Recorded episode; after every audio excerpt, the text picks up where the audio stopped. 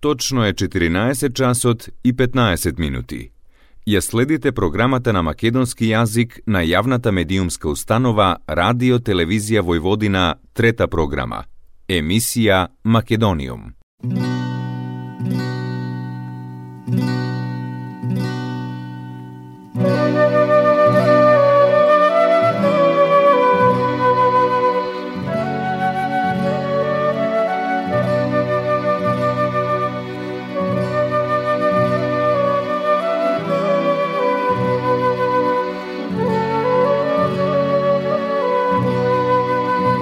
Македониум.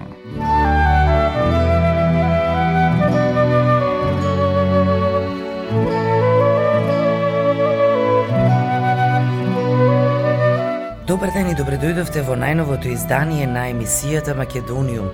Со вас, почитувани слушатели, е вашиот уредник и водител Јулијана Милутиновиќ.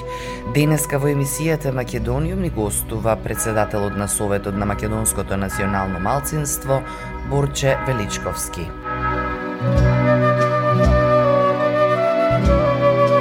Македонијум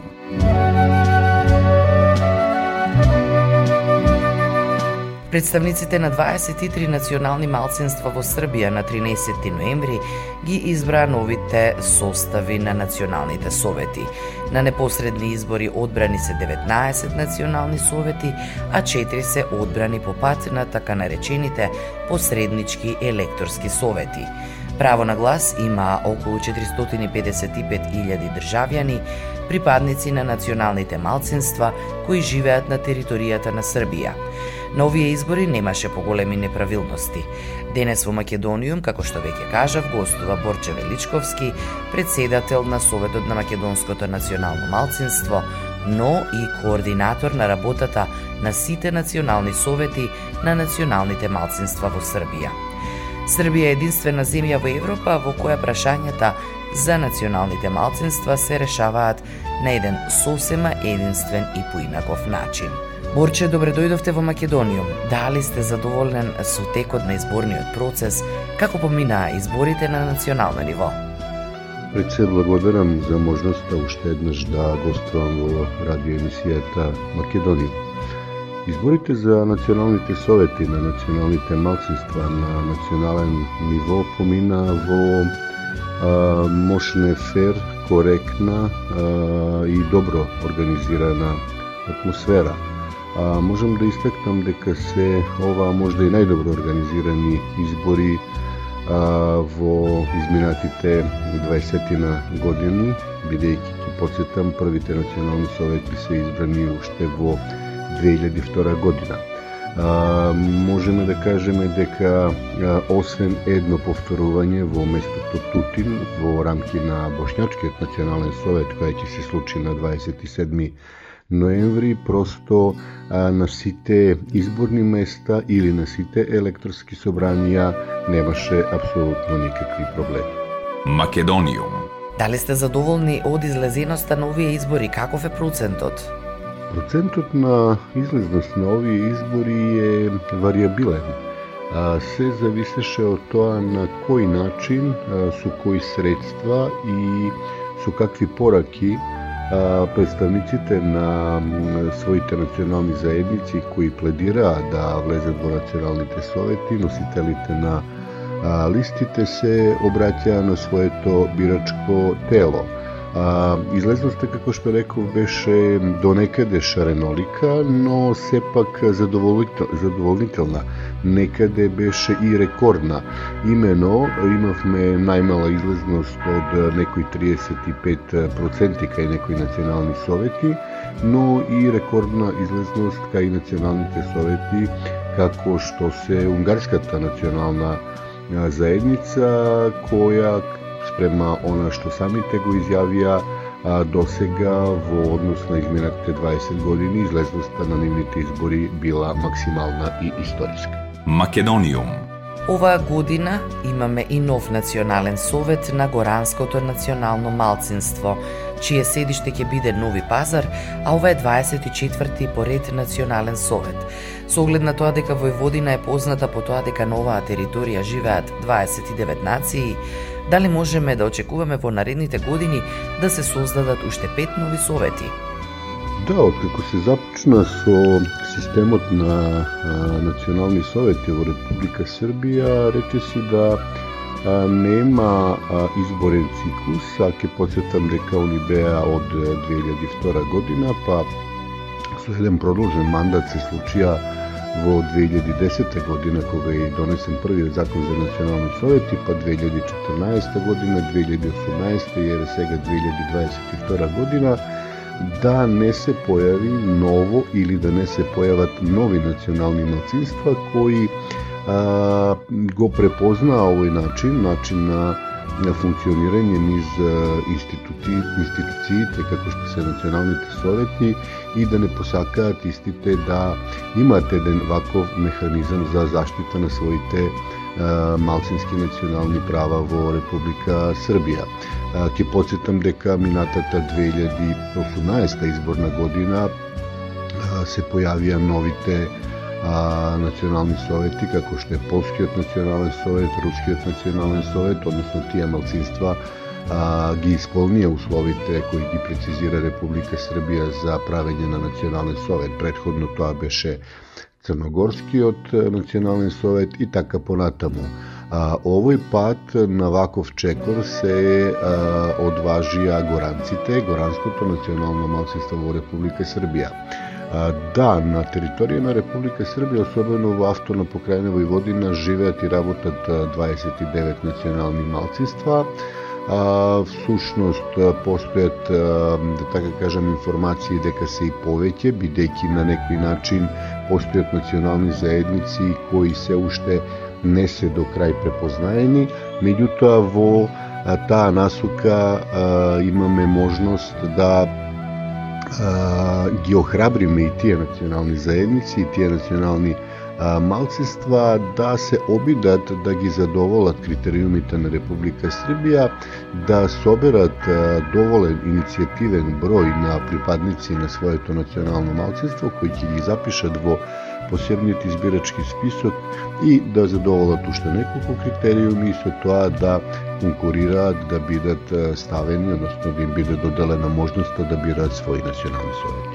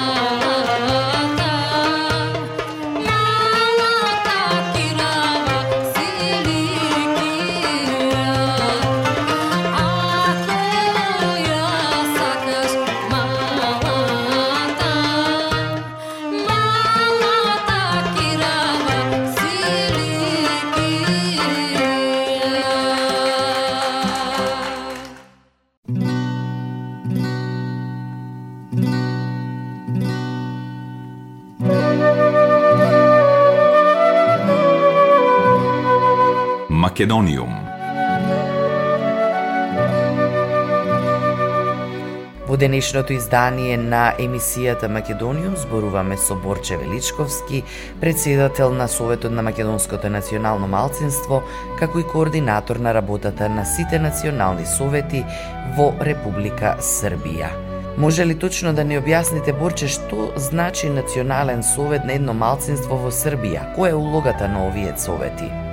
Националните совети на националните малцинства во Република Србија се всушност државни представнички тела или државни организации со право на самоуправа а, и самостојно одлучување во областите на културата, информирањето, службената употреба на јазикот и писмото и образованието на својот мајчин јазик. Јас секој пат кога гостувам во некој од медиумите имам обичај да кажам дека националните совети се последниот бастион на професионална и стручна заштита на правата на, на своите национални малцинства во овие четири области. Во таа насока можам да кажам а, дека националните совети на вистина представуваат а, една од врвните организации а, на заштита на малцинските права не само во Република Србија, веќе во регионот, па и во Европа и во светот. На повеќе гостувања во последниот период имав едно исто прашање – Дали сте повеќе за тоа да имате национален совет или да имате пратеник во Народното собрание на Република Србија и мојот одговор беше секогаш ист и секогаш брз. Апсолутно национален совет. Затоа што националниот совет на еден системски начин со системски приод кон решавањето на проблемите ги решава проблемите на своите сограѓани припадници на своето национално малцинство во спомнатите четири области, додека политичката функција пратеник, народен пратеник во Народното собрание е нешто кон што треба како припадници на националното малцинство или на националните малцинства да стремиме, но а, со еден пратеник сме само еден во 250 Овде сме едни меѓу еднаквите кои на некој начин низ лична самоуправа и донесување на лични самостојни одлуки, а не утопување во одлуките на 250 луѓе, а, на најквалитетен начин а, одлучуваат што ќе се случува со нивната национална заедница во наредниот период, со самото тоа ја преземат одговорноста, но и ги креираат политиките кога нивното национално малцинство е во прашање. Македониум. А колку националните совети имаат политичка одговорност или каква е одговорноста кон малцинските заедници? Па делумно одговорив на ова прашање во предходниот одговор. Практично националните совети немаат да така кажам исклучителна или елементарна политичка одговорност за а, движењата во едно национално малцинство, а од друга страна сепак и имаат. А, бидејќи донесуваат самостојно одлуки во а, спомнатите четири области. Меѓутоа ќе морам да дадам само една едно дигресивно објаснување четирите области не се единствените елементи кои а, го чинаат корпусот на правата на еден народ или корпусот на правата на едно национално малцинство и во Република Србија, но и пошироко. Но овие четири области се, а, а, да така кажем, одбрани како најосновни за зачувување на еден а, национален, личен и колективен а, национален а, идентитет.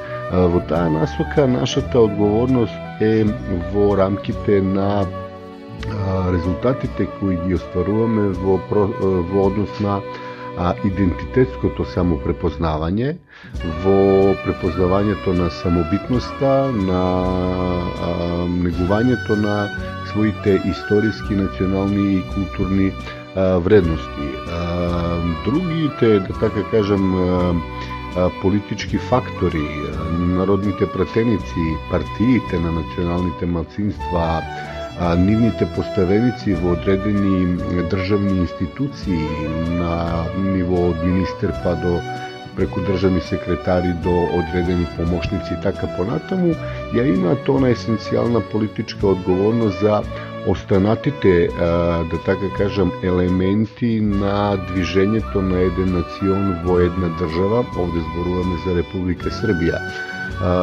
Сите национални заедници ги немаат истите проблеми Одредени национални заедници, како што се унгарската, словачката, романската, имаат еден корпус на проблеми како традиционални национални заедници. Од друга страна, ние хрватите, црногорците, словенците како ново настанати национални заедници имаме корпус на права од друга сфера кои не тиштат од трета страна одредени национални заедници како што е ромската популација имат своји а, проблеми во однос на а, образованието, во однос на, како да кажам, еден моментум на а, невработеноста на своите припадници, а, недоволниот процент на факултетски образовани граѓани, припадници на ромската популација и така понатаму и така понатаму. Така да комплексно е прашањето, но комплексен е и одговорот.